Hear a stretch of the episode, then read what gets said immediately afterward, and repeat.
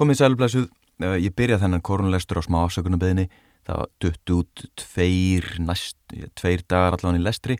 Ástæðan svo að ég fór austur, var fyrst í heimsókn hjá vinum í sumabústað, uh, suðustan við Heklu, rétt við vestan við þrýrning, indislegt svæði, gekk þar mikið um og, og nöyt bara útiveru og, og indislega fagurs umhverfis. Þannig að uh, ég ætla að bæta upp fyrir það auðvitað bara með að halda áfram lestri en með því að bæta við í þennan lestur, þess að aftan við hann, hljóðið í eistri Rángá og ég valdi þess að árbók ferðarfélags Íslands frá 1960 sem tekur til þessa svæðis að hluta, það er fjallað um söður jökla og það er meðal tindfjallajökul, þannig að það er lesturinn sem er framöndan og uh, já, ég vona, ég vona að missi bara fyrir ekki við þetta. Ég ætlaði nú að reyna að, reyna að setja þætti þátt upp út á landi en það gekk ekki að nota mér tækni farsíman sem nota farsíman til að hlaða upp þætti en það gekk ekki, það stranda allt á upp hlæðslunni, nið, já, upplótinu. Allavega við farum bara beint í þennan lestur ekki eftir neina býða og þannig að þið viti allan að því að í lókþáttarins þar mun hljóma eistri ránga á uh, hljóðtekin upp bara rétt við Gunnarstein, sá frægi merki stein úr Íslandikosjónum og það er hljóðis, hljóðið sem þið heyrið. Þannig að ég bara hef ekki þennan ingang lengri. Í tilöfnum þess að ég var á þessum slóðum og þá ætla ég að lesa hérna úr Árbók ferðarfélags Íslands frá 1960 og það er Guðmundur Einarsson frá Middal sem að hafði umsjón með þessar Árbók og þar er mikið af áhugaverð efni og það eru jöklarnir þrýr, söður jöklar Tindfjallajökull, Eyjafjallajökull og Mýrdalsjökull og svo eru líka leiðir að fjalla baki. En árbókin heitir Söður jöklar og ég ætla að byrja þetta á Tindfjallajökli sem að heitir Tindfjallajökull, ekki Tindafjallajökull eins og ég hafði með einn grepið í mig og ætla að lesa hérna leið í Tindfjallaskála frá Reynifelli því að við röldum að Reynifelli þarna í daginn. Herði, ljósið þess að við komum staðins yfir örlítinn hluta þessara árbókar, árbókar þá ætla ég að lesa ingangin þannig að við fáum svona víðari, víðari sín til að byrja með. Frá öndverðu hafa söðurjöklarnir verið taldið þrýr, Tindfjallajökull, Eyjafjallajökull og Mýrdalsjökull. Landfræðilega séð mætti einni telja Torfajökull og Kaldaklófsjökull til þeirra en það mun ekki hafa verið venja. Hins vegar var Klofajökull er síðar nefndist Vatnajökull talin til Östfjörða. Er það rétt mætt eftir fjórðungaskiptum landsins hinnum fórnu. Bók þessi fjallar um Suðurjöklan og landsvæðið sem er millið þeirra, kallast að fjallabaks leiðiða siðri fjallabaks vegur hið efra, en emstrur og almenningar hið fremra millir mælifælls sands og hamraskóa á Þorsmörk. Allt var landsvæðið þetta í þjóðuleið, áður, en hefur lítið verið farið á síðari áratugum nema þá af gangna mönnum. Allir þessir jöklar eru tilvalið æfingarsvæði fyrir fjallgöngu íþróttir hvort sem óskaður eftir auðveldum eða erfiðum ferðum á hvaða tíma árs sem vera skal. Landslag á svæðið þessu er afar marg breytilegt og fagurt og við á Íslandi erum slíkt að velja í tiltöla stuttum ferðum. Hættur eða alvarlegar talmanir eru fáar nema árnar og nokkur sprungu svæði í Mýrdalsjökli og austanverðum Eyjafjallajökli. Jöklar þessir, munu, er tímarlíða verða aðalæfingasveiði skíðamanna á öllum tímum árs og alþjóðlegt ferðaland. Þegar fjallamenn, deilt ferðafélags Íslands, hófa yðka háfjalla íþróttir fyrir 20 árum, þá urðu söðurjöklarnir fyrir valinu sem æfingar svæði. Þar voru fyrstu tveir skálardeildarinnar reistir. Sæluhúsferðafélags Íslands í Þórsmörk, Skagfjörðs skáli, er einn liður í þeirri framtíðar áallun að nema söðurjöklana. Hafa þeir nú, allir, verið vandlega kannaður og mörg háfjalla námskeið haldinn þar. Námskeið á Tindfjallajökli voru 1940, telst annað námskeið á vegum dildarinnar. Hið fyrsta var í Kerlingafjöllum 1939. 20 ár eru liðin frá því að hafist var handa um að yðka háfjalla íþróttir almennt og kennslu í útilögu tækna á jöklum. Forgöngumenn voru nokkrir menn er yðkað höfðu ferðalögum fjöll og jökla síðan 1914. Stopnendur deildarinnar, 33 tölu, voru flestir jáframt í ferðafélagi Íslands. Reynsla svo sem fengist hefur er eftir aðtökum góð. Mest er um verðt að slísfarir hafa ekki orðið. hefur þó oft verið telt djart þegar orðið hefur að búa fjölda manns náttstað og jöklum, bæði í snjóhúsum og tjöldum. Skálarnir hafa veitt nokkurt öryggi og sérstaklega þegar námskeið voru haldinn að vetrar lægi. Fjöldi manns hafa sót námskeiðin, konur jamt sem karlar. Fólk þetta hefur svo tekið að sér, fara stjórn og jáframt kent samferðafólki ímislegt gaglegt. Það er nú all fjölmennur hópur sem indi hefur að ferðalögum og jöklum. Töluvert hefur verið skrifað um þessi mál, bæði frá sjónarmiði íþrótta og tækni. Með flugþjónustu og nótkunn beltabíla hefur margt orðið auðveldara, öryggi stórlega aukist og flýtir í förum markfaldast.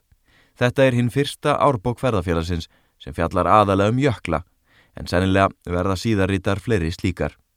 Eðlið þetta er að bækur þessar fjalla nokkur leitu um tækni í jöklaferðum, því að bækurum þau efni er ekki fyrir hendi hér á landi.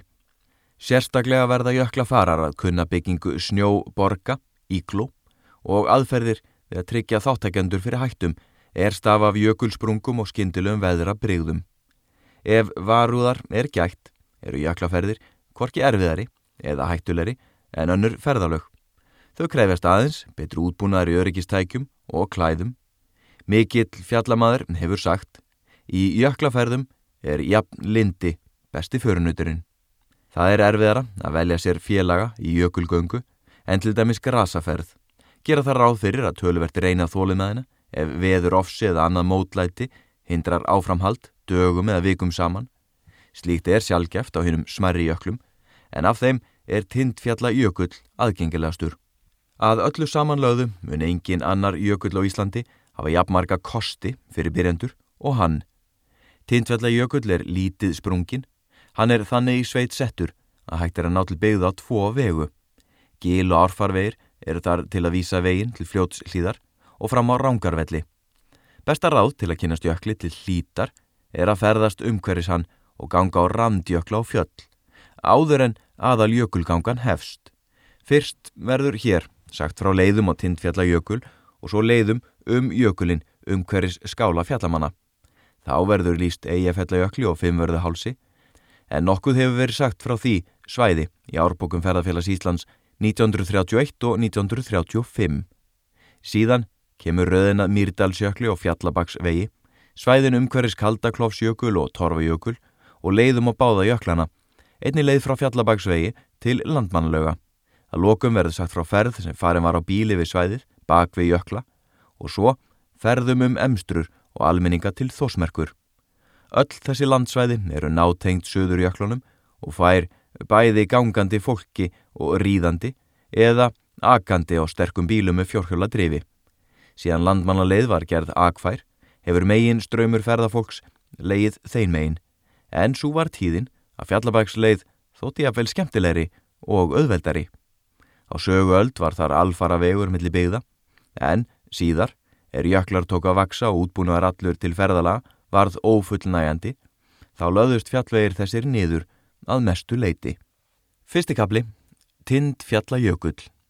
Tindfjallajökull er lýsandi korona hins markbreytilega hálendis sem afmarkast af rángarvöllum að norðan en fljótslýð að sunnan. Frá öllu Suðurlands undilendi og landegjum blasir hann við sjónum, heitlandi fagur með alla sínar tindaraðir þó fegurstur í morgun ljóma.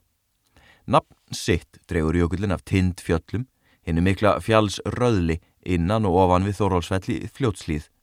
Hinn mesti og fegursti tindur í þessum fjallarana hefur vafalust ráðið nafngift fjallana sem stundum eru ránglega nefnd tindafjöll. Ekki er vitað um sérheiti á tindi þessum, þótt ránglega hafi verið nefndur einbúi og mun hann því í bók þessari verða nefndur tindur eða tindurinn.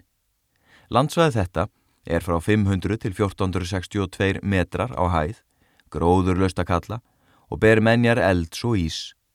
Mikið er þar af jökul menjum í fjöllum og á flatlendi Víða á fallvötn og skriðjökuls álmur, sorfið djúb gíl og skortninga.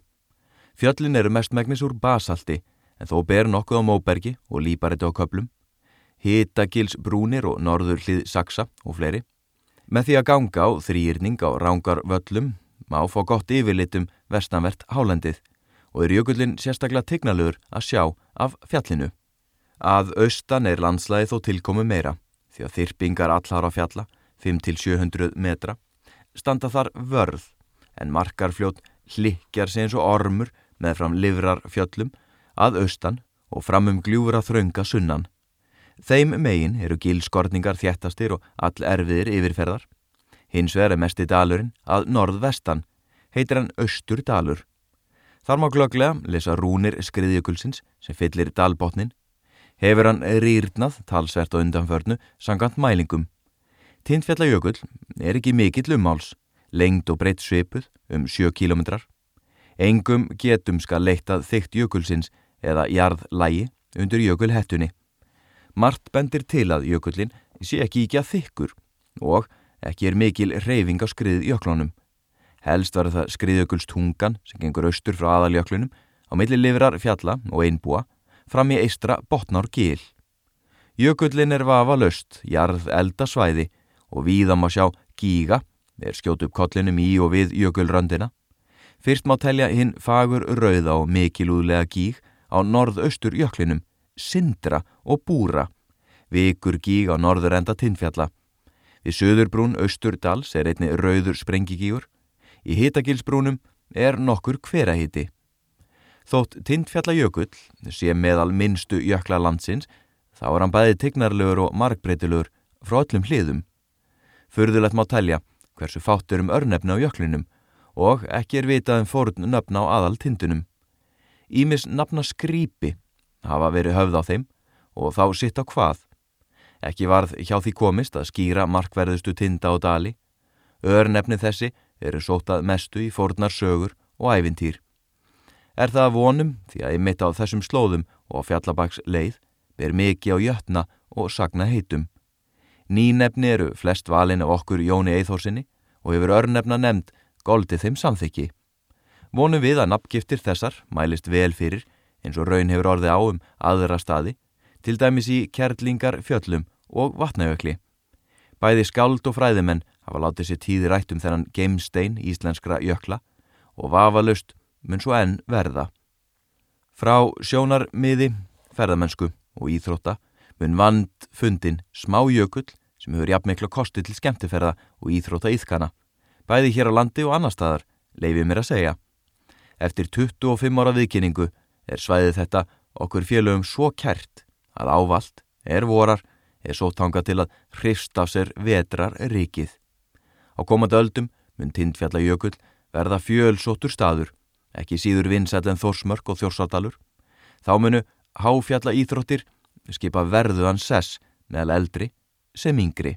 Ég er líklega ekki dombær á stöðu ferðamála innanlands á hinnum ímsu uh, hálandi svæðum þannig að ég veit ekki hversu vinsall tinnfjalla jökull er en svona af lesturinnum að dæma þá held ég að það nú veri gert ráð fyrir meiri uppbyggingu á þessu svæði, kannski einhverju draumar affölum um skíðaliftur eða einhverja, einhverja svona virk, virka aðstöðu.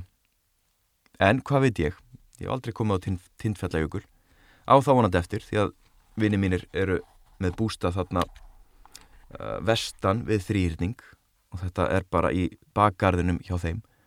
Og eins og ég segi við gengum á, upp að Reynifelli, gamla bænum uh, Reynifell.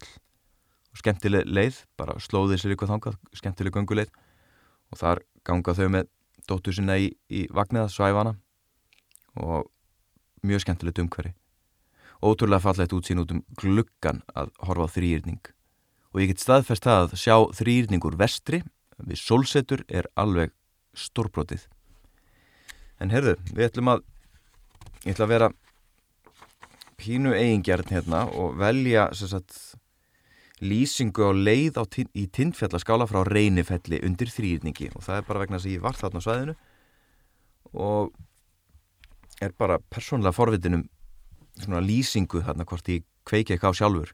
Þetta er nú fyrsta sinn sem ég heimsótt þetta svæði þannig að ég er ekki kunnur að neinu leiti og sé svolítið eftir í núna hafi ekki lesið upp uh, á snældu eða í hljóðnema. Uh, örnefnin, vini mínir voru með sagt, list af örnefnum þarna á svæðinu sem er líklega hægt að finna bara á í örnefna skrá Sumarmánuðina er hægt að aka frá rángarvöglum upp að jökli. Eru yngar talmanir í vegi fyrir kraftmikla bíla á þeirri leið nema eistri rángá. Hafa skal varuð við ána, sé hún í vexti, því að oft eru vöð óviss og breytili frá degi til dags. Frá reynifelli er farið inn með fiská og er farið yfir ána rétt ofan við ármót þjóvar. Sérst þar glögglega sneiðingur við árbakkan þar sem farið er upp bratta og þýða brekku austan þjóvar. Áinn ber nafn af tveim útilegu þjófum sem byggu í helli við þjóf Holt, austan árnar. Bálkur er í hellinum en ekki er hann visslegur. Sagan segir að hellisbúar hafi verið mjög fót kvatir svo ekki eru þeir eldur upp á hestum. Sluppu þeir jafnan er byggðar menn gerðu aðför að þeim. Drengur frá heilag í fljótslíð fann hellin í gílinu, sá hann þar kind að hausa nokkra við dyrnar.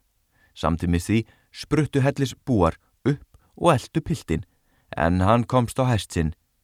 Það vildi honum til lífs að reyðskjótum var úrvalskæðingur prestsins á staðnum en drengurinn hafði tekið hestin í heimildar leysi. Þjóvarnir eldu hann fram á brúnir fljótslíðar megin, drókvorki sundunni saman en þar skildi með þeim.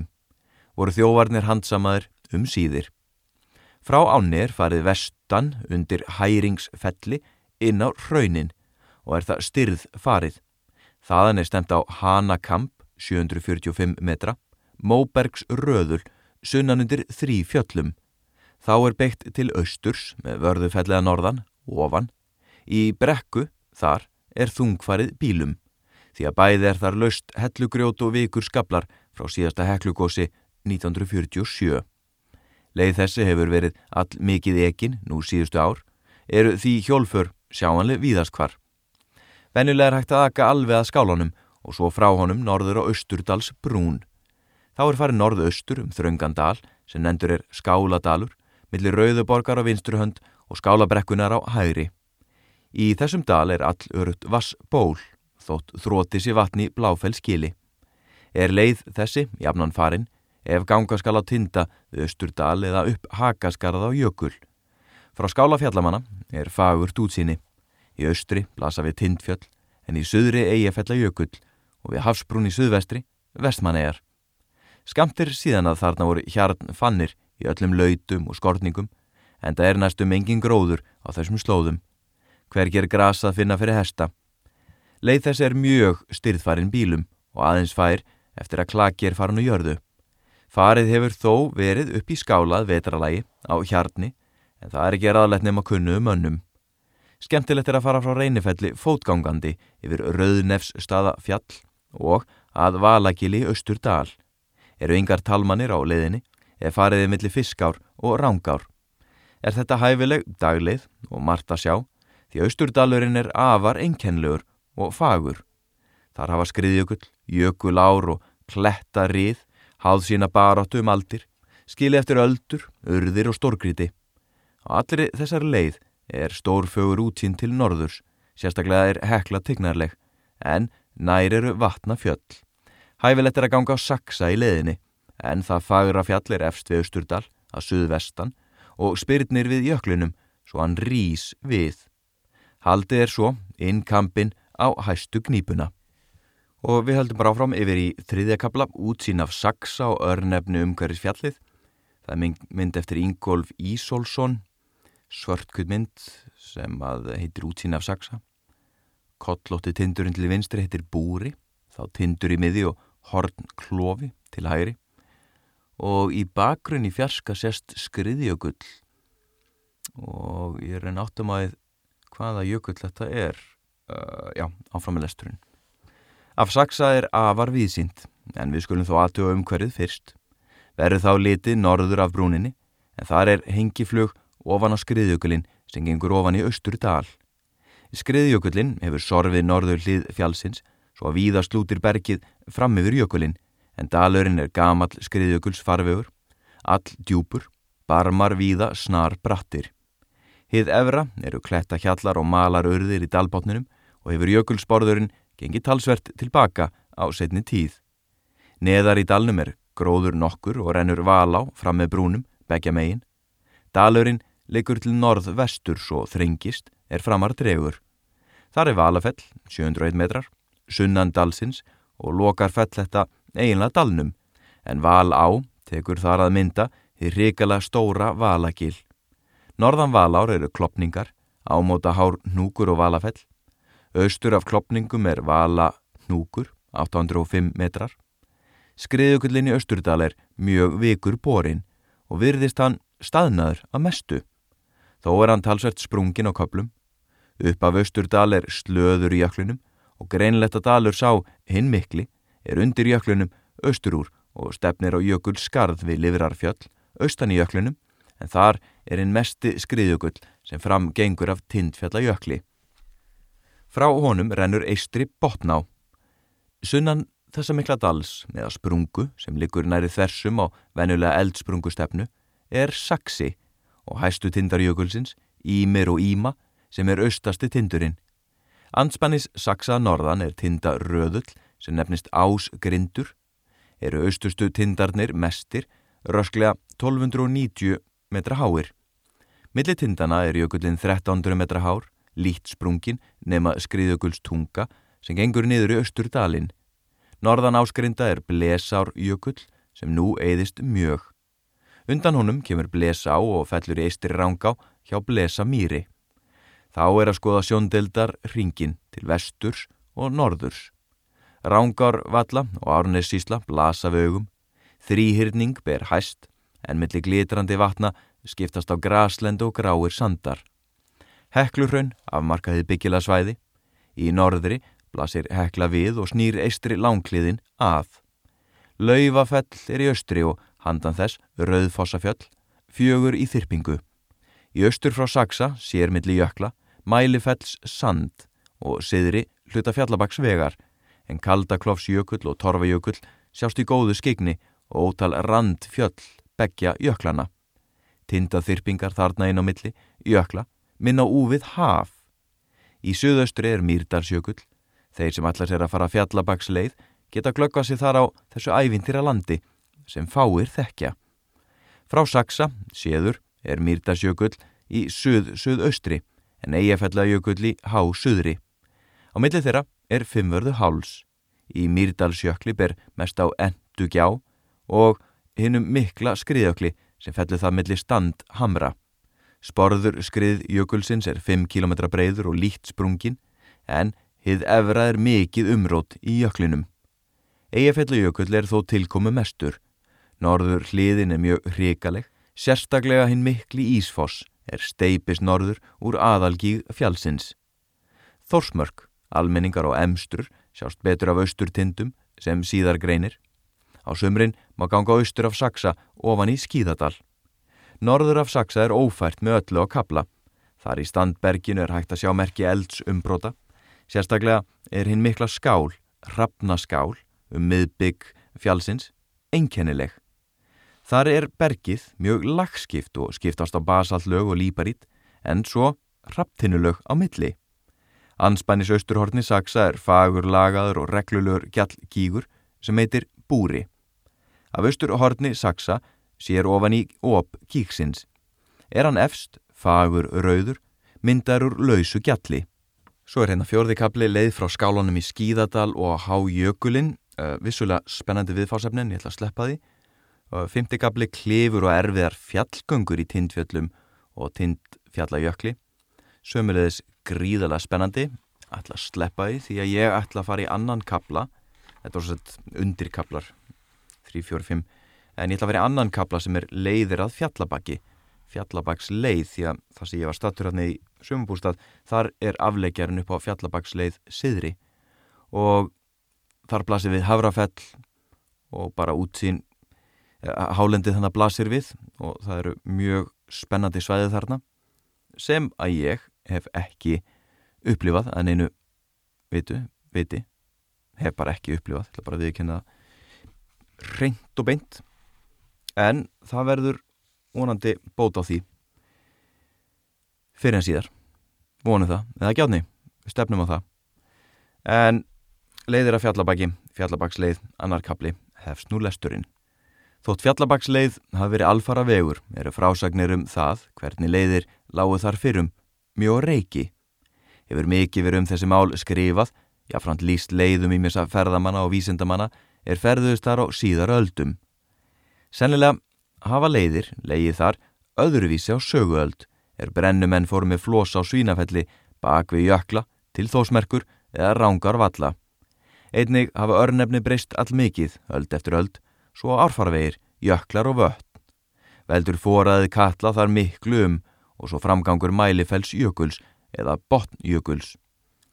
Sveitn Pálsson kallar leiðina Norðan jökla, fjallabaks leið eða norðurveg. Oft er hún nefnd siðri fjallabaksvegur til aðgreiningar frá niðra fjallabaksvegi eða landmannaleið sem liggur úr skaftártungu norðantorfauguls yfir í landsveit. Um tvær leiðir er að velja af rángarvöllum, núverandi leið um reyðmannaskarð inn í krók, hina um rángar botna, laufa leitir og grashaga, einnig kölluð rángarvalla leið eða rángæinga leið. Leið svo, sem nú er venilega kölluð fjallabaksvegur, var mert með stykum á síðastliðinu öld. Var það liður í þeirri áallun að taka aftur upp hinn að fórnu fjallvegi, en aldrei var leið þessi mikið nótuð. Ekki var hinn um tölumertu stykum haldi við, fjallu þar og fúnuðu, uns, svo var komið, að líti hald var í þeim í vondum veðrum. Vitanlega eru örðug vöttn á leið þessari, en vaði á markarfljóti við launfittar sandir þrauta vað og Holmsá er jafnan fær að morgni dags. Þegar búið var að brúa vassföll, sunnan jökla, löðust ferðir um fjallabaksveg niður. Landmannaleið var tekinn til umferðar, fyrr, enda götur þar greið færari. Ekki vil ég skera úr um það hvor leiðin sé skemmtilegri eða feguri, báðar hafa margt til síns ágetis. Það er mega teljast ólíkar mjög, en þó sérlega vel fallnar til ferðalaga á hestum. Frá múlakoti að kláfferjunni á markarfljóti og til króks. Leið þessi er bæði fögur og marg breytileg, ekki mjög vandfarin gangandi fólki. Sjöu hestar með í förunni þarf ofta teima því að víða eru tæpar götur og brattar. Úr byggð er farið inn með Þórólsfelli, greinilegar götur. Þar eru mörg gíl sunnan í fjallinu, hið vestasta þeirra heitir Mögu gíl. Fremst í gílnu er hellir mjög sérkennlur. Hann er auðfundin því opið blasir við í eistri gíl barminum. Hellirinn er hólu myndun í blágrítis stuðlabergi, frábröðin hellum sem myndast í láréttur rennandi hrauni, því að gólfi hans hallar inn á við frá hellismununum og lokum næri lóðurétt niður. Er all erfitt að komast í botn án tilfæringa. Hellirinn er 15-80 metrar langur, hæð 2-3 metrar en breytt nærfelt 4 metrar. Að innan er hann þakkinn glerungi, líkt því sem bergið hafi bráðnað og runni síðan niður frá loftinu. Þannig hafa myndast taumar og einkennilegar kúlur eins og sjá má á meðfylgjandi mynd. Er þetta náttúru smíði, einstakti sinni röð og hafa ymsir jarfræðingar aðtugað hellin, til dæmis ekkert Ólafsson og Bjarni Pálsson. Guðmundur Kjartarsson hefur ansakaði hellin ítarlega og skrifað um hann í náttúrufræðingin 2009. árgang, fjórða hefti. Þeir sem skoða mögugils helli skildu varast að skemma þið fagra náttúru smíði, kast ekki grjóti í einsta hluta hellisins til að kanna dýftina, því síður að taka minnjegripi úr berginu. Ímsir fegurstu hellar landsins hafa verið stór skemdir á þann hátt fyrr og síðar. Svo við gleymum nú ekki svona hlutverki lestusins, það er náttúrulega kveikja svona hugmyndir að samtölum við eldri, eldri ættingi á þessum, þessum viðsjárverðu tímum. Og þá má náttúrulega nefna bara hella. Svona almenn spurning, kynni af hellum, hvort að aðili hafi farið í helli, hvaða helli, þekki hella og svo frammeðis og ef ekki þá bara svona spurning hvort að einhver, hvort að viðkomandi sé áhuga samur um hella, hafi heyrt umræður eða, eða umfjöllun um skemdir á hellum, þannig að var eins og, eins og hann Guðmundur Einarsson tekur fram mikið um skemdir í gegnum tíðina. Uh, já erlendir hellar þetta er þið, þið skiljið það er að spjallum ímiðslegt út frá svona einu bara likil orði. Og auðvitað svona ultimate spurningin hafaðu komið eða, eða sá einstakleikur þið talið við hefur hann eða hún komið í mögukils helli frá mögukili er haldið áfram inn með markarfljóti millir litlu og stóru streitu streitu gil eru all hrikalegu stórbrotin auðsið er að þar hefur áður verið fjölfarið því að djúpar götur eru tróðnar af hesthófum í Móbergs klappirnar. Bergið í giljum er breytilegt, silfur gráir og ljósbrúnir litir skiptast á og er lagskipting mikil. Víða er þar hellar og skessukallar stórir, grjót, hrun og vatna gangur hefur spilt veginum en ekki þyrta að kosta miklu til svo þarna væri sæmilega fært. Fyrir innan streitu gilin eru gröytar torfu gil, bólagil og svo kanastada gil. Þar hafa kanastaðir verið en lítil sjástar ummerki bæði sögum sandfóks og svo hefur gilsá spilt mjög landinu og markarfljót vaðum allt flatlendi framöndan. Vegurinn likur með gilsá inn að hellis völlum. Þar er ból gangnamanna í helli rúmgóðum. Östan gilsár er fösk heiði og nær hún inn að einhyrningi innum sérkennilega rismikla tindi sem víða er nefndur í sögum. Vegurinn likur af hellis völlum undir fösk heiði um fífukvama eru raunklapir miklar á hæruhönd fram að fljótinu. Þarna er víða fagur gróður, berjaland og snefir af skói í giljum Þá er komið að trölla gjá. Vegurinn liggur um gjána en hún er breið og slett í botnin og hefur fylst af sandi og möl. Í gjáar börmónum eru víða skóar hríslur og síni það að þarna hefur skóur þrifist vel fyrrum. Hamra skóar eru handan markar fljótsins. Í börmum gilsins, begja vegna, fljótsins, eru fagrar skóar hríslur. Vafalust hefur fösk heiðin öll verið skói vaksin og þá borið annan nafn því að við Föska hefur heiðin þá fyrst verið kend, er upplasturinn að eitt öllum gróðri, er skóarhagsmenn skildu þar eftir. Einhyrningsmörk. Innst í tröllagjá er valsamar. Þar verti jafnan fálkjáður, en er nú horfin, þar sem við annar staðar. Þegar farið er með hesta í nátt rátt er gott að dvelja um stund undir einhyrningi. Þangað er fjögur að tíma ferð frá múlákoti. Þarna eru rústir fórns bílis. Þar namn land Þorkell bundin fóti en hann var afir starkaðar undir þrýrningi sem getið er í njálu. Mjög fagur er þarna flötunum, sunnan undir einhyrningi. Handan fljótsins er þórsmerkur svæð og almenningar. Hæst ber rjúbufell og nær jöklunum mófell. Þarna er komið inn á milli jökla. Niður fljótsins berst til eirna og jökul sperringurinn leikur sinn söng á vindhörpu tindana. Ef tíma er nægur er sjálfsagt að ganga á einhyrning, best er að fara eftir grasgeira sunnan frá flötunum.